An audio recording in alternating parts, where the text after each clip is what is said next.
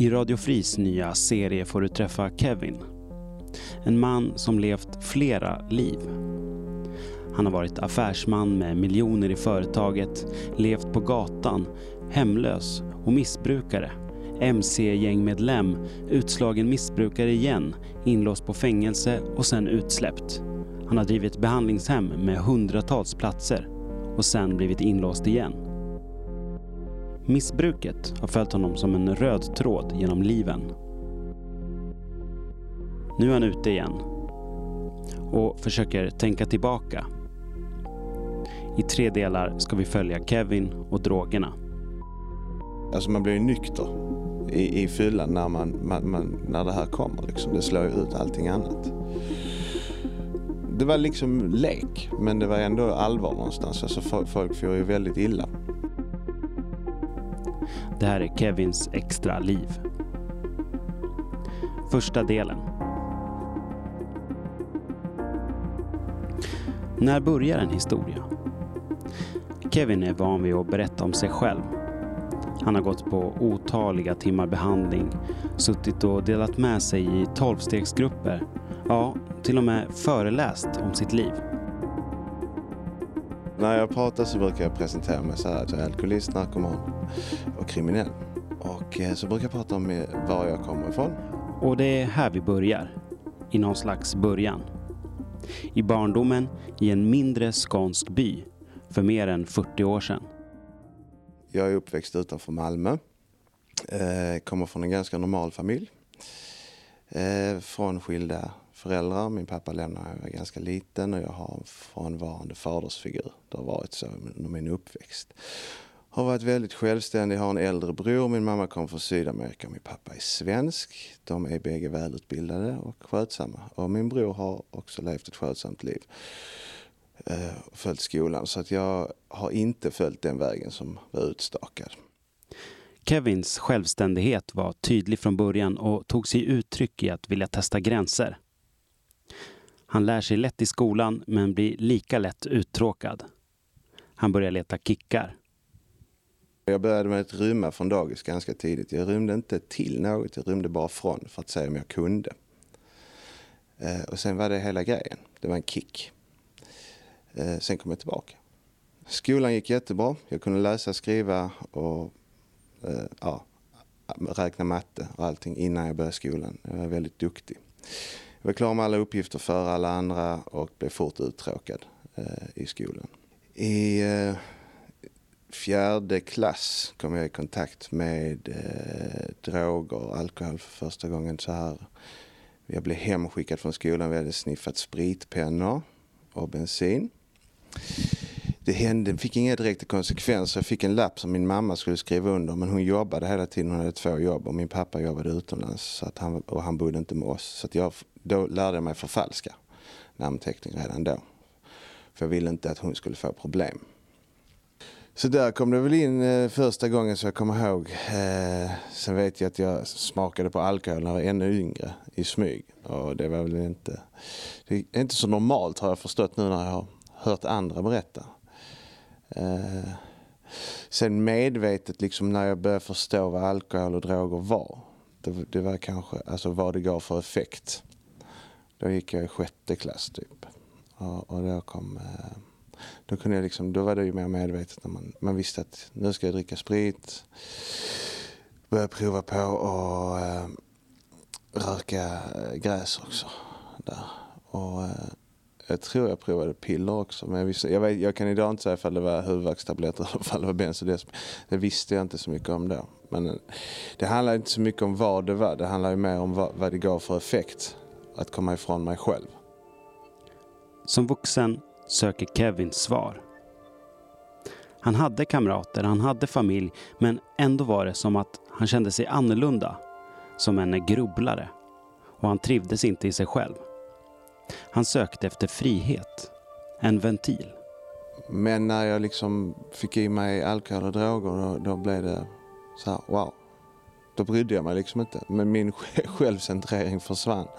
Att jag var annorlunda och så här. Och sen framförallt, alltså effekten, det var, det var någon form av frihetskänsla från, från sig själv.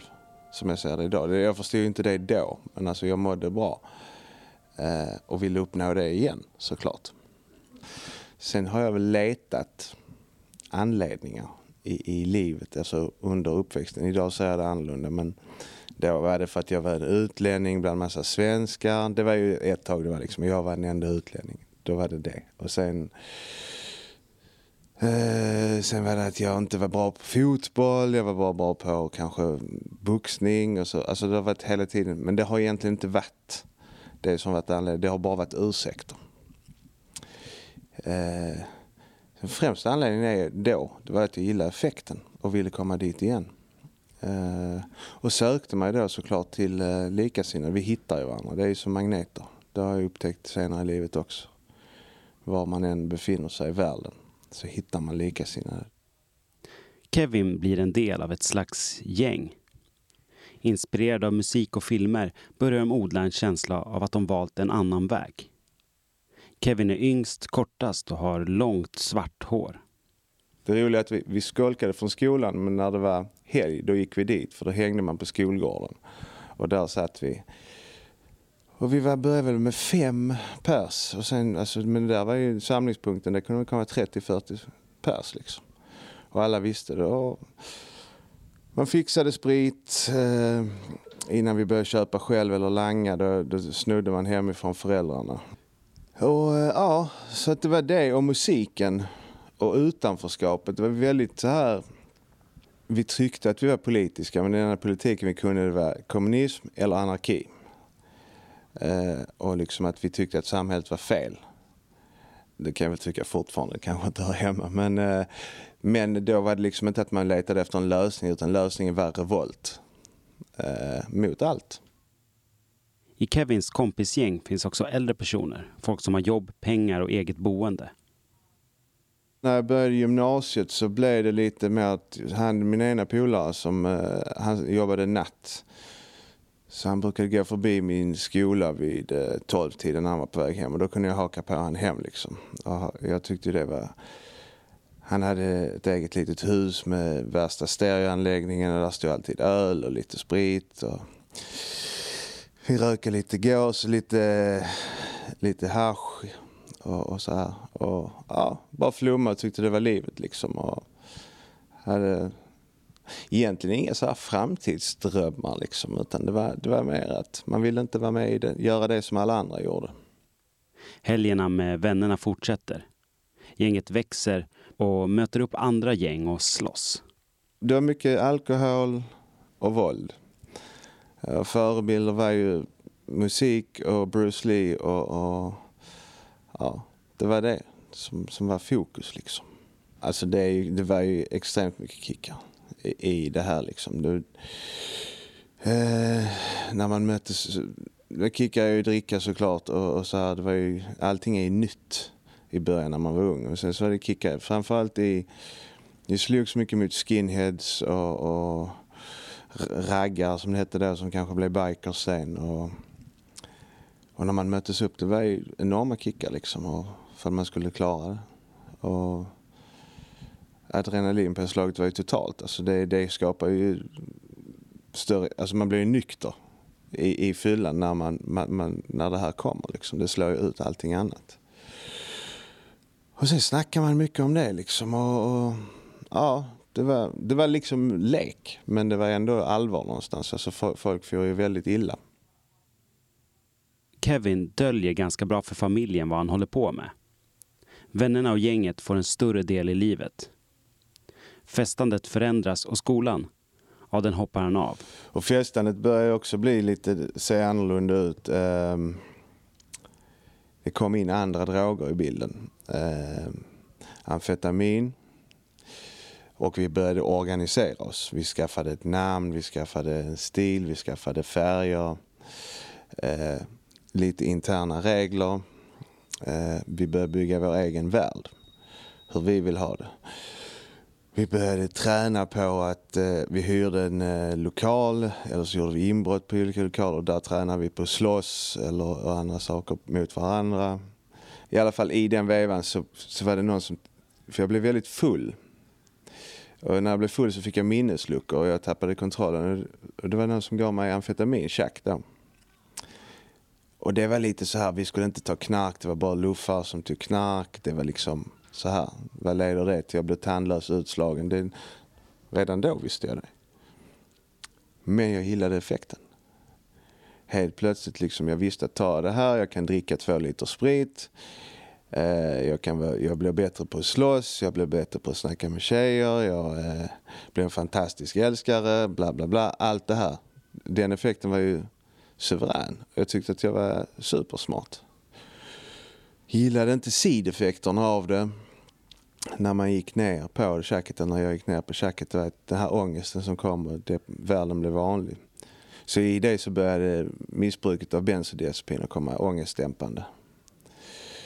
Så det var liksom ett A och O. En påse käk och jag var tvungen att ha piller för att annars jag ville inte ha det andra.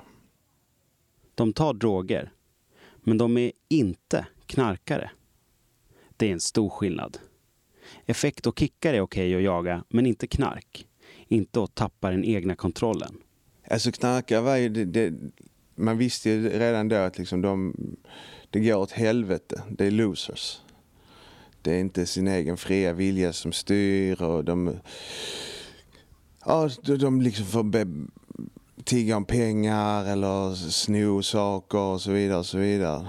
Eh, vi kunde ju också göra sådana grejer, men det var mest fyllegrejer för, för kickar liksom. Jag har aldrig kunnat vara en bra tjuv eller jag har gjort inbrott och sådana saker, men det var, det var mest för kickar liksom. Det var inte för att jag hade ett behov av att fylla upp med droger och alkohol. Pengar fixar vi på annat sätt liksom. Men den här utslagningen liksom, det, det var den flyttades. Den, den gränsen flyttades också. Eh, när jag gick på amfetamin då var det heroinisterna. Då var det liksom det.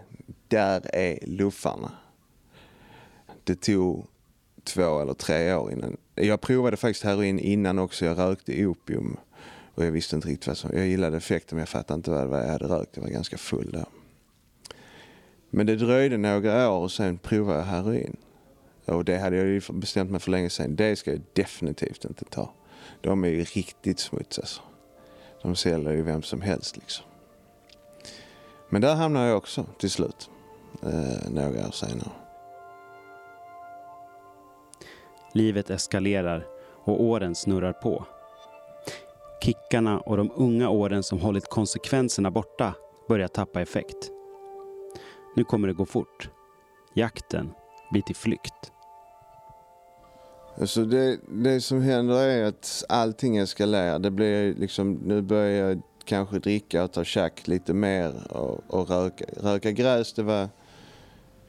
Det har jag gjort hela tiden. Det, det ingår. Jag det har inte haft någon direkt... Jag odlade också väldigt mycket och... Det skulle man bara ha liksom. Det, det var som att röka cigaretter. Det kunde jag inte säga att det var något fel i. Och så, alla de här rättfärdigande, det kommer från naturen och så vidare. Allt man hör. Eh, och amfetaminet jag blev tvungen att försörja mig också och tjäna pengar. Eh, och göra andra saker. Kriminaliteten blev grövre, eh, våldet blev grövre, det tillkom vapen och gängen blev mer organiserade. Och i all den här vevan så liksom det, de känslomässiga konsekvenserna började komma ifatt. Det funkar inte längre. Jag tog amfetamin, det funkar inte på samma sätt. Jag blev bara frisk eller så här pigg och vaken. Jag tog Alkohol vill jag inte ha längre. Eh, och när jag väl började verkligen bruka heroin, det var efter att jag hade varit vaken väldigt länge på amfetamin. Och jag kunde inte komma ner på tabletter. Jag hade varit med om ganska traumatiska upplevelser som jag själv hade skapat eh, med våld och annat. Eh, mitt liv var rätt kaosat just då också. Eh, relationer som sprack och hit och dit. Och allt började komma ikapp mig.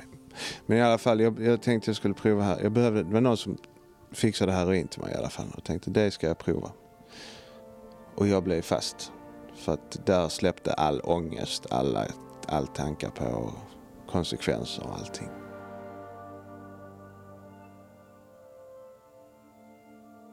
Och det var samma sak där. Det gick väldigt fort när jag väl började på det. Jag gick över um, den gränsen jag gick över där. Först att röka heroin och sniffa, det var väl okej. Okay. Men jag blev sprutnarkoman ganska fort. Och det var ju också det var ju riktigt low life. Hur, hur man nu kan gradera det, men alltså det, det, det blev så. Och jag fastnade där ganska fort och ganska länge. Eh, insåg väl inte riktigt tiden som försvann och i det så ändrades mitt liv drastiskt. Jag blev ju den jag, den jag hade föraktat. Liksom. Plötsligt behövde jag drifta ihop pengar. Ja, det var inte så intressant med alla de här polarna längre. Det var inte så intressant med gäng och våld. Eh, eller den här våldsromantiken liksom som fanns runt omkring. Det enda som blev intressant var att få fly i heroinet.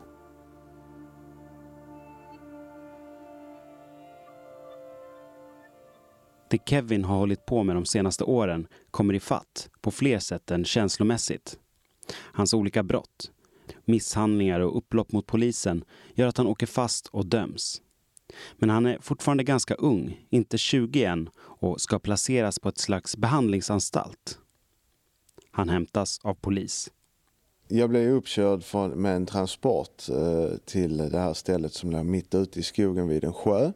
Eh, såg inte alls ut som jag hade föreställt mig. Definitivt inte som ett fängelse utan det såg mer ut som ett kollo. Jag har aldrig varit på kollo men som jag kan tänka mig att ett kollo ser ut. Och när jag kom dit så fick jag köra till ett litet hus vid sidan om. Eh, det första jag möts av när jag kommer in det är att just eh, först och främst är personalen var väldigt trevlig och glad. Eh, det är jag inte så van vid att folk var kring mig. Och sen är det de här sakerna som hänger på väggarna. Det är olika deviser. Eh, stora tavlor står ta det lugnt, en dag i taget, det viktigaste först. Och sen har de AAs 12 steg på väggen och de 12 traditionerna på en annan vägg. Och just det här ordet, att ordet Gud stod där, det räckte för mig. Att nej, det här är en sekt. Och på kvällen så hade man ett obligatoriskt möte där alla satt i en ring, man tände ett ljus. Och det här mötet var, de pratade kanske om hur dagen hade varit, man presenterade sig. Och så slutade det med att alla reste upp, höll hand och bad en bön, den här sinnesrobönen. Och där dömde jag ut det direkt, så att säga. Det här vill jag inte ha. Och tänkte att det här är en sekt med tvång och hjärntvätt och så vidare. Ja, och hela, hela, hela den här eh, vänliga, kärleksfulla saken som, som, som, man möts av. Det, var så kontrast till, till hur jag är van vid och vad jag hade förväntat mig också. Jag hade förväntat mig att komma in i en hård miljö där råbarkade kriminella satt och, och, och så här. Så att det, ja, det var ju min inställning till alltihopa som gjorde att jag såg det, till det på det sättet. Vi började odla gräs där också eh, och började smuggla in knark och, och, och så vidare. Och min inställning då var att ja, men de, det är fint, det gäller dem. Eh, men jag, jag förstod inte, det var inte, jag förstod efter några månader att det finns faktiskt folk här som vill sluta, att de är seriösa och att de gör det här för att rädda sitt liv.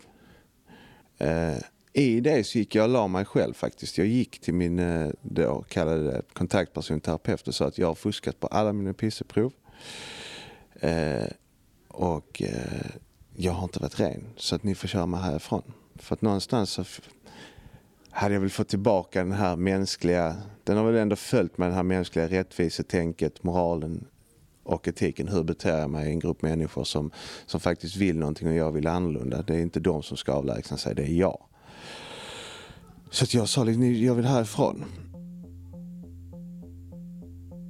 Och de blev lite chockade och skulle ta ett beslut och jag orkade inte vänta så det var det, det jag och två till rymde därifrån varpå och de två är döda idag.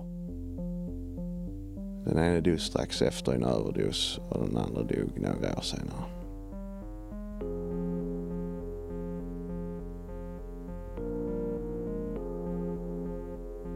Du har hört första delen av Kevins extra liv.